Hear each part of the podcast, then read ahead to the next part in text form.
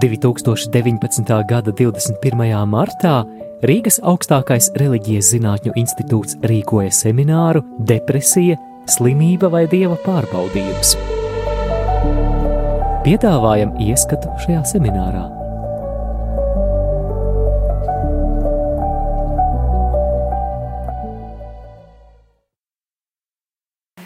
Šeit izskanēja ļoti, ļoti dziļi viedokļi, daudzšķautņaina pieredze. Man šķiet, šī stunda, vai mazliet pat ilgāk aizskrēja nemanot, un uh, mums ir daudz ko pārdomāt. Uh, bet nereti ir vērts meklēt arī saskares punktus. Un tieši tāpēc es gribētu jautāt uh, doktoram Tēraudam. Kā jūs redzat dažādu jomu speciālistu sadarbību depresijas ārstēšanā, vai jūs arī redzat kaut kādā mērā šo garīgās jomas ietekmi, kā pastorālie konsultanti varētu sadarboties, lai palīdzētu cilvēkiem, kas cieš no depresijas? Darbojas. Halo! Oh. Um, to, ko Ilona solījās izstāstīt, bet neizstāstīja, ir, ir tas, ka um, šajos divos ambulatorijos centros, un šur tur arī vēl Daugavpils slimnīcā mēģina turpat iet un Liepājas slimnīcā, ka mums jau šobrīd dienas stacionāros strādā multiprofesionālā komanda. Un sadarbībā veselības ministrija mēs esam apņēmušies to izplatīt visu, pa visu Latviju, astoņus centrus atvērt divu gadu periodā vai trīs. Tā kā Dievs dod, lai tas tā notiek. Bet šajos multiprofesionālajās komandās strādā jau tagad mākslas terapeits, muzikas terapeits, deju kustību terapeits. Nu, mums pagaidām nav psihodrāmas terapeits, drāmas terapeits, bet varbūt būs. Mums ir klīniskie psihologi, veselības psihologi pagaidām nav, bet klīniskie un veselības psihologi, fizioterapeiti, ergoterapeiti un nu, pareizi tas saucās garīgās veselības aprūpas māsas, kas gan ir psihiatrijas māsas. Un arī psihiatri. Tā kā šī multiprofesionālā pieeja pamazām gūst ar vien tādu lielāku tādu stabilitāti un pieredzi Latvijā, ceru, ka tas attīstīsies. Kas attiecās par pastorāliem konsultantiem, es uzzināju, ka tāda Latvijā šobrīd ir ap 20. Man bija zināma cerība, ka būtu pat vairāk. Pa brīdim es savus pacientus aicinu iet uz baznīcu pie mācītāja.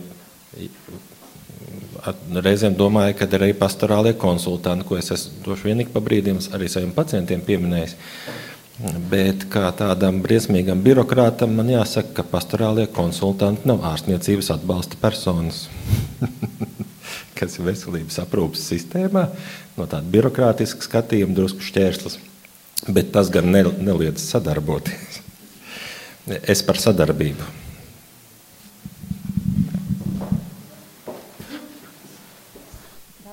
Uzdot jautājumu mācītājam Kristam un arī māsai Sofijai. Kā jūs saskatāt ticības lomu, garīgo resursu lomu cīņā ar depresiju? Vai tas palīdz, vai tas reizēm arī šī ticība traucē iziet no depresijas? Ja, nu man gribētos sacīt tā, ka ticībai noteikti ir jāpalīdz. Um, ka, protams, tas, kā mēs interpretējam, kas ir ticība un kā mēs ticam, tas vai nu var palīdzēt vai nepalīdzēt.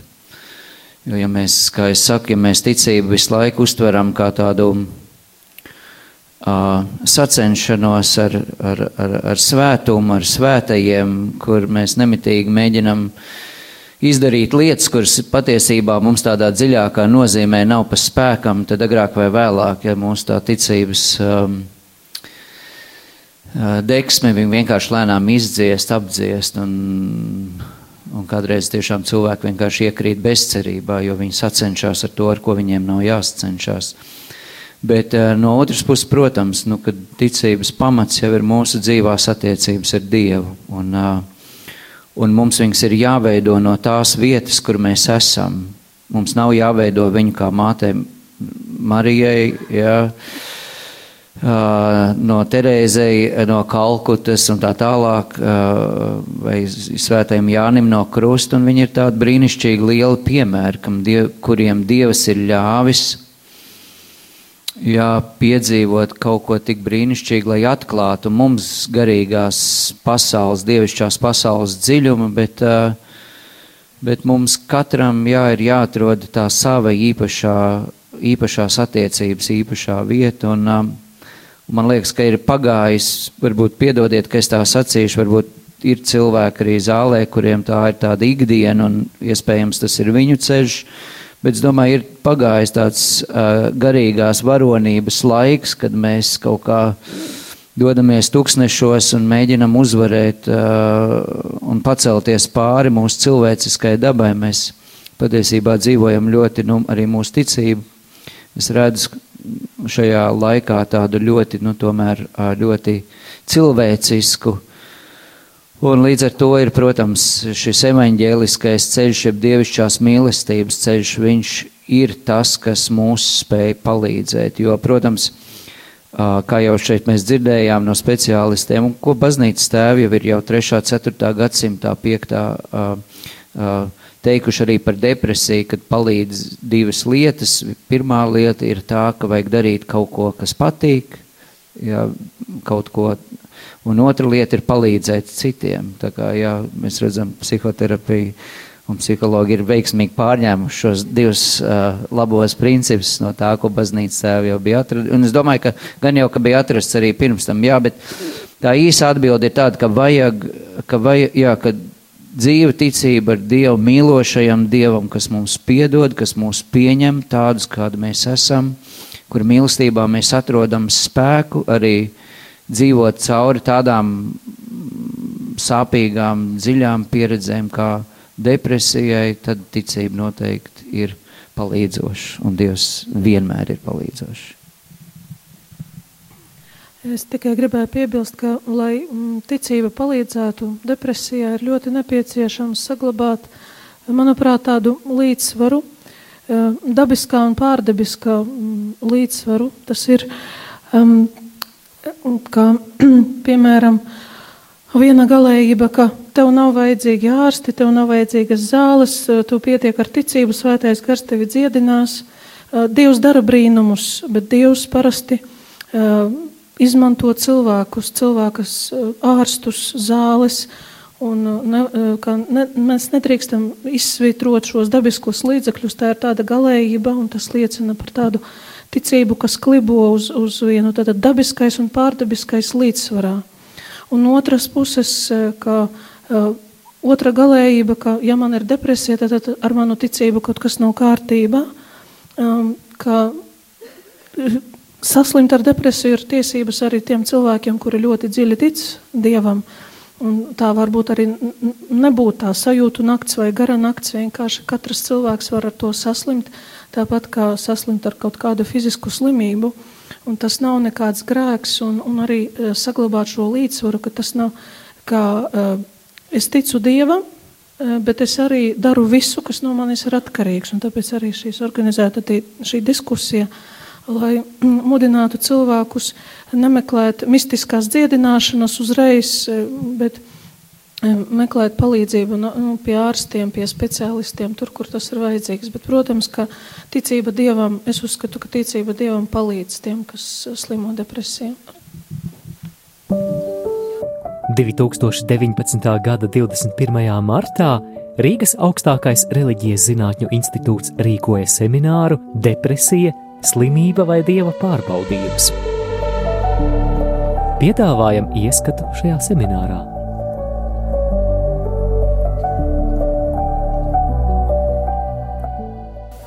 Šo pašu jautājumu mēs vēlētos uzdot arī mūsu ārstam un arī psihoterapeitei Ilaunai, jo bieži vien arī nu, kristīgi cilvēki baidās vērsties pie garīgās veselības speciālistiem ar bažām, uh, vai netiks noraidīta viņu ticība.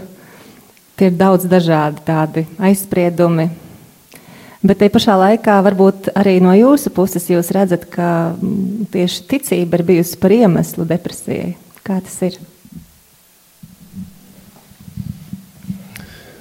Nu, man liekas, ka ticība nav par iemeslu depresijai. Un ka ticība visdrīzāk ir palīgs pieņem, pieņemt savus veselības problēmas un meklēt risinājumus, pieņemt grūtības, kas ir ceļā uz atvesaļošanos. Un es īstenībā savā praksē nesaskatu problēmu, ka sadarbojas gan, gan zināt, arī netradicionālās medicīnas cilvēki kādreiz. Arī ja cilvēkam cilvēks ir ticīgs un viņam ir, nu, nu es pat nezinu baidos nepareizi pateikt šeit. Bet nu, viņš, viņš praktizē nu, ieš, garīgo dzīvi, iet uz baznīcu. Un, ļoti labi. Es, jā, es domāju, ka lūkšana ir viena no visvecākām psihoterapijas formām. Es kā reizi iesaku to turpināt. Es domāju, ka šeit viens otru papildina viennozīmīgi. Nu jā, man nav droši vien nekāds pretējs viedoklis. Es uh, tikai piefiksēju, ka uh, mēs nevienmēr kā nu, psihoterapeiti varbūt uzzinu, vai cik, cik daudz ir uh, šī garīgā dzīve cilvēkā, cilvēka ikdienā. Bet nu, tie cilvēki, kas ir atklājuši, viņi to min kā resursu, un uh, es tiešām to nu, tikai varu priecāties, ka ir atrasts jau sev zināms ceļš, un kad arī ir spēja novērtēt, nu, kur man vēl ir vajadzīga papildus palīdzība. Un arī kā tādu vēl, vēl vienu apstiprinājumu. Es varu teikt, ka esot, manuprāt, četrus gadus atpakaļ es biju konferencē, kas ir Izrēlā. Un tā bija kognitīva behaviorālās terapijas konference, tad tur bija iekļauta arī atsevišķas um, nu, nodarbības vai, vai, vai workshop, darba grupas. Uh, saistībā jā, ar garīgiem aspektiem psihoterapijā. Un, un visi runā par to, ka un tas ir resurss. Jā, es, es gribētu vienkārši pateikt, ka uh, ticība nerada uh, depresiju, bet ticības krīze var radīt depresiju. Jā, tajā brīdī, kad mēs nonākam kaut, kos, kaut kādos atkal nepareizos priekšstatos, jā, un, un mūsu kaut kādas ekspektācijas un gaidas netiek, attiecībās ar Dievu netiek piepildītas, ja mēs nonākam krīzē, un ja mēs nesaņemam kvalitatīvu palīdzību, kas būtu pastorālais darbs sarunā ar, ar garīdznieku vai kādu mm, cilvēku, kas ticībā ir gājis cauri dažādiem posmiem ilgākā laikā, tad tas var aizvest uz, uz, uz depresiju, ja, kur vienkārši mēs zaudējam pamatu. Kāpēc? Ah, jā, es vēl vienu, tas nav um, kontekstā ticība dievam, bet, uh, nu, jo, nu, varbūt ir klienti vai cilvēki, kas nav vēl atraduši šo, šo ceļu, bet ticība izmaiņām vai ticība saviem spēkiem, un tā reizēm ir zudusi, tad, nu, tas, ko mēs aicinam darīt, nu, varbūt tu netici, bet dari. Pat tad, ja tu netici, mēģini darīt, meklē palīdzību, un, nu, un tā palīdzība atnāks.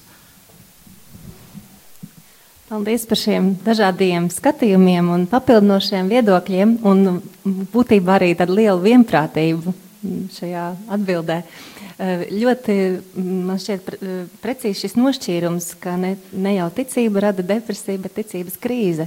Un šeit rodas atkal jautājums, kā mēs varam atšķirt ticības krīzi no dievu pārbaudījuma, Vai varbūt arī tas ir sātana pārbaudījums vai kārdinājums? Māsa Sofija, šie ir ļoti sarežģīti jautājumi, kas moka ļoti daudzu kristiešu prātus. Vai tas ir no dieva, vai vēlna, vai vienkārši slimība? Nu, tas ir tiešām garīgo tēvu pastorāla konsultantu arī uzdevums atpazīt cēloni. Tāpēc es, kad runāju par to, ka ir ļoti svarīgi atpazīt, kāds ir cēlonis, vai dabiskais vai pārdabiskais.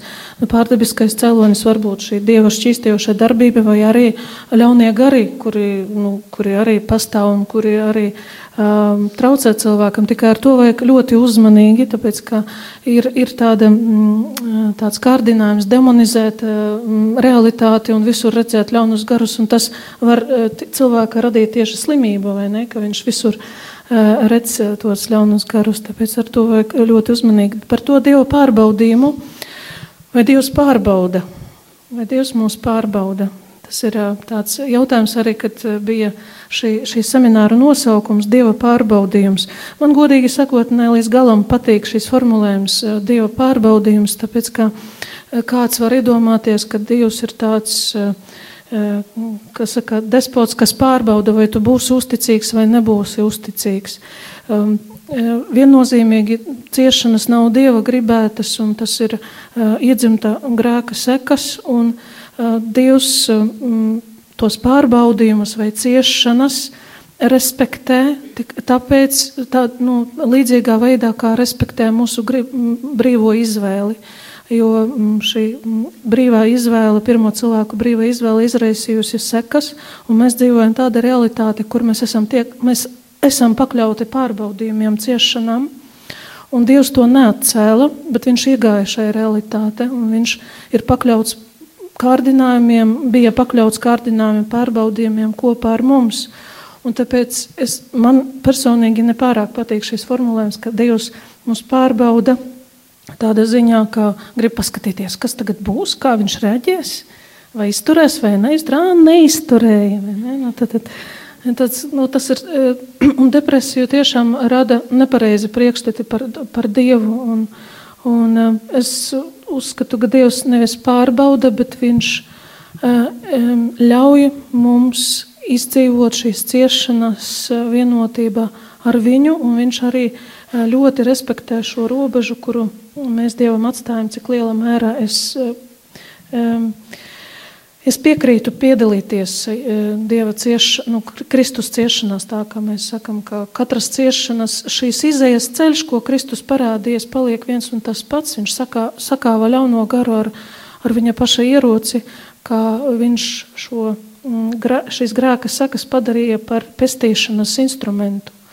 Kā ciešanas var kļūt par pestīšanas instrumentu, tas var būt, tā ciešanas var kļūt par mīlestības valodu, Bet tas neizmaino to faktu, ka Dievs ciešanas negrib. Nekad negrib. Un viņš arī negribēja savu dēlu ciešanas, bet tā ir realitāte, kura mēs esam. Un kopā ar Kristu mēs varam šo mm, ļaunā gara instrumentu izmantot kā mīlestības valodu, kā līdzdalību Kristus ciešanās. Un, um, arī uh, ciešot no de depresijas, tas ir uh, līdzīgi kā ar katram ciešanām. Tas ļoti grūti, ka cilvēki jūtas dieža, dažreiz vainīgi, ka viņi saslimuši ar depresiju. Kā tas ir? Es tik ļoti ticu Dievam, kāpēc, kāpēc es slimoju. Tas, tas ir tas pats krusts un ļoti bieži daudz smagāks kruks, krusts nekā fiziskās slimības. Depresija tās ir ļoti lielas skumjas, un parasti skumjas ir saistīts ar kādu zaudējumu. Vai varētu būt tā, ka mēs kā sabiedrība esam kaut ko ļoti daudz zaudējuši? Ja jau mēs dzirdam Pasaules veselības organizācijas prognozes, ka tā būs tāda, nu, galvenais invaliditātes iemesls. Doktor Tērauda, vai, vai sabiedrība kļūst, mēs kā sabiedrība kļūstam aizvien nelaimīgāki? Kā tas būs? Vai mēs esam kaut ko zaudējuši? Kā lai saka? Jo ilgāk dzīvojam, jo ilgāk pastāv cilvēks, jo vairāk ir grēku. Ja Līdz ar to ir vairāk mums par ko atbildēt Dievu priekšā. Bet, nu,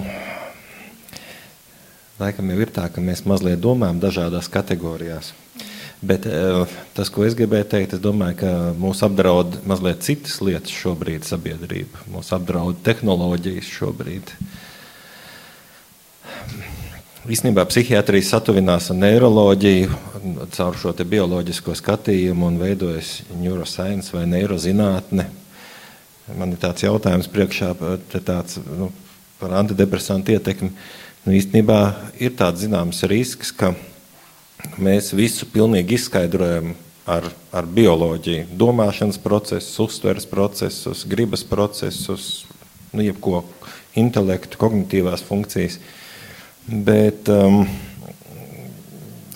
tas, par ko es sāku runāt, bet mazliet noslīdēja tas, ka šobrīd šīs tehnoloģijas kļūst lēnām par postu. Un es gribēju runāt par mūsu, nu, laikam, jau tomēr bērniem, jauniešiem, kam, kam šī emocionālā pasaule sāk attīstīties savādāk, kā bija iepriekš, jo viņi ārkārtīgi maz komunicē savstarpēji. Viņi nemācās komunikāciju, viņi nemācās just, um, jā, ciest varbūt kādreiz. Es domāju, ka tas ir tas apdraudējums, kas šobrīd apdraud pasauli. Bet tur, kur tā depresija rodas ar vien vairāk, nu, tas ir šis milzīgais informācijas pārslodzes, kas nāk no masu mēdījiem un no mums visapkārt. Nu, domāju, ka tas eh, smadzenēm ir traucējoši faktori. Visi. Mums nav laika sev, mums nav laika domāt. Jā, man liekas, ka lielākā vispār problēma cilvēkiem ir zaudēt dzīves jēgu. Man liekas, tas, ko mēs arī piedzīvojam, ka sabiedrība var kļūt ļoti labklājīga, bet cil, caur labklājību cilvēks nevar piedzīvot dzīves jēgpilnību. Un, jo jēgpilnību mums Dievs ir iekārtojis, jeb dāvājis to tādu dāvanu, ka mums ir jēgpilnīgi atrodam faktiski tikai attiecībās ar citiem cilvēkiem un tikai viņiem kaut ko no sevis dodot un redzot, ka tas, ko mēs dodam, tas cilvēkam palīdz atkal dzīvot jēgpilnāk, laimīgāk un tā tālāk. Un jo, cil, jo, jo sabiedrība un jo cilvēks ir vairāk vērsta pati uz sevīm, jo viņi kļūst nelaimīgāk. Un jo viņi kļūst nelaimīgāk, viņi kļūst depresīvāki, ja, un tādēļ viss tas ritenis aizgriežas projām. Vēlties papildināt, kāda ir iemesli šai globālajai depresivitātei? Nu, jā, droši vien diez vai būs atšķirīgs uh, viedoklis, bet es aizdomājos nu, jā, arī par tādām niansēm, un um, es varu papildināt, ko Krista teica par šo uh, attiecību aspektu, un, un, un arī, ko doktors Tērots teica par uh, jā, tehnoloģijām. Un, un tas, kas arvien vairāk parādās, jā, kad mēs nu, ne, varam nepiedzīvot tādas ļoti vienkāršas, bet ļoti svarīgas pieredzes, kā piemēram, jā, vienkārši ieskatīties acīs vai Jā, tas, kāpēc es to saku? Piemēram, var sarakst, bērni ir kaut kur izbraukuši ārzemēs. Nu, var sarakstīties WhatsAppā, var sarakstīties, nezinu, Messengerī, bet mēs neredzam vairs tās sejas. Un jūs zināt, ka seja un acis, tas ir pirmais, kas pauž, nu, attieksmi. Tas ir pirmais, uz ko bērns fokusējas. Un es daudz strādājusi arī savā laikā ar, ar bērniem, un man pašai ir bērni. Un tad es nu, piemēram, dzirdu, jā, mēs pavadām laiku kopā, mēs braucam 40 minūtes kopā mašīnā, bet viens skatās uz ceļu, lai neiebrauktu mašīnā, viens skatās pakausī. Un šis ir tās mazās nianses, ko es teicu. Es nesaku, ka tāpēc rodas depresija, bet ja mēs tā saliekam puslīt pa puslītim, smilšu graudiņu pa smilšu graudiņam, tā bilde tāda veidojas un runājot par profilaksi, ko es no savas pieredzes sapratusi, Tad ir druskuļi par vēlu profilakse, nu, zin, bērnu um, uzvedības problēmas korrigēt, uh, pieaugušo um, uzvedības problēmas vai emocionālās korrigēt.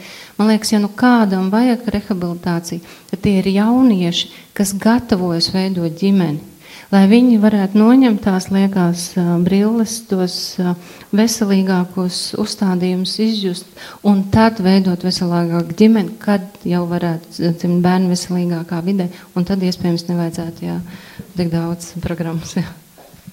Paldies par tādu ieteikumu. Vērīgs skatiens uz, uz profilaksi. Īsnībā šī sagatavošanās laulībām ir arī pastorālā konsultanta viens no uzdevumiem sagatavot pāris. Te bija jautājums. Ja. Nāciet lūdzu pie mikrofona. Arī... Es esmu vienkārši mamma divām pusaudzēm, un man ir problēma tāda. Nevis problēma, bet es pat nezinu, jautājums. Kā es varu palīdzēt savam bērnam, kuram ir depresija, pie tam vēl? Skolais psihologu nevaru dabūt, jo viņš ir skaitās tikai vienu dienu, un ganu jau nedēļām ilgi, jo tad nav, vai citā dienā ir, vai vispār nav. Bērns no trīs gadu vecuma jau apmeklē dažādus speciālistus, nos, nosauca ja, doktors Tērauts, entos terapeitus. Pirmkārt, es kā vecāks apjūku šajā visā klāstā. Es nezinu, pie kura vērsties, jo, piemēram, es aizēju pie viena speciālista, Protams, ka viņš grib mani noturēt, jo es maksāju naudu. Un es maksāju not, tas labākā gadījumā no 30 eiro. Ja es gribu labāku speciālistu, nosacīti labāku, ko es domāju, tas maksās 50 eiro. Bet man nav naudas tādas, lai. Un, man vajag bērnam regulāru, katru nedēļu šo speciālistu apmeklējumu. Kāda profilakse, kāda veselīgā, garīgā uh, ap, var būt bērnam palīdzība? Ja? Un, un šeit es zinu, es biju šī atkāpšos. Ja? Es, man kolēģe ir drāmas terapeite, kas arī piedalās uh, atlasē, nu, nevis atlasē, bet uh, pieņem, nu, kad viņa tos diplomu darbus vai aizstāvēšanās. Ja? Un, un, un, un viņa redz, ka nu, praktizējoša psiholoģija nespēja izveidot darbu, nespēja aizstāvēt ja? pēc kritērijiem. Eh, es viņai saku, kāpēc jūs tādus cilvēkus laižat cauri? Kāpēc viņi pabeidz to eh, iestādi? Eh, atbilde, tāpēc, ka viņi maksā naudu par mācībām. Sapratu, jā, tas ir ļoti svarīga problēma, bet tas jautājums ir tāds, kur meklēt bērnam palīdzību, vai kā jūs, ko jūs gribējāt pajautāt? Kā palīdzēt bērnam, kā jā. palīdzēt pusaudzim. Jā.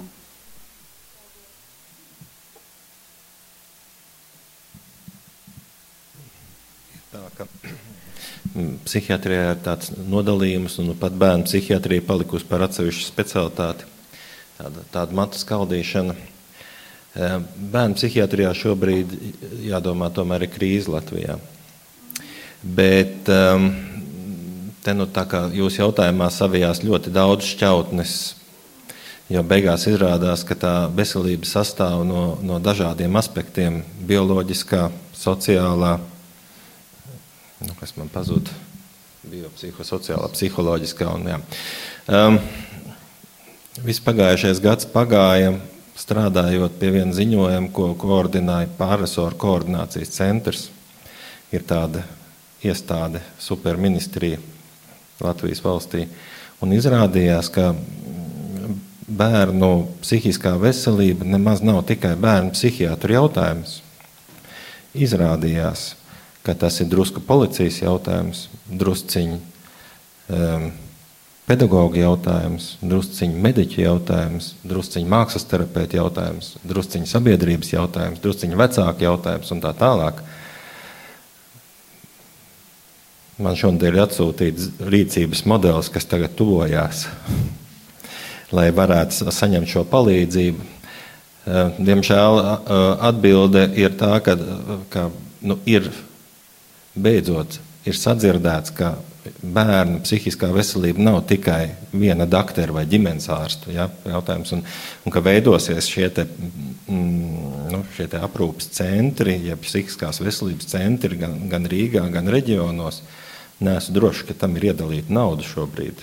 Bet, piedodiet, tomēr sākas ar ideju, jo līdz šim mēs runājām, bet mūs nedzirdēja. Nu, pat ir tā kā sadzirdēts. Un, protams, ka šī multiprofesionālā komanda ir. Uh,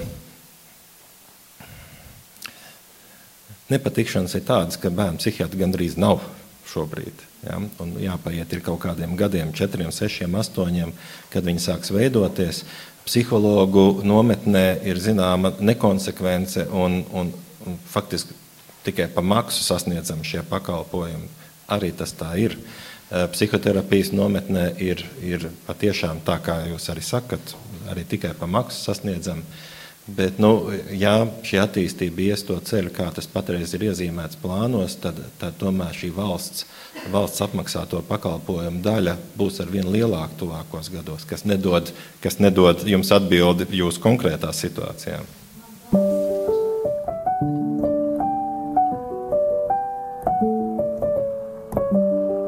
Izskanēja fragments no semināra Depresija, slimība vai dieva pārbaudījums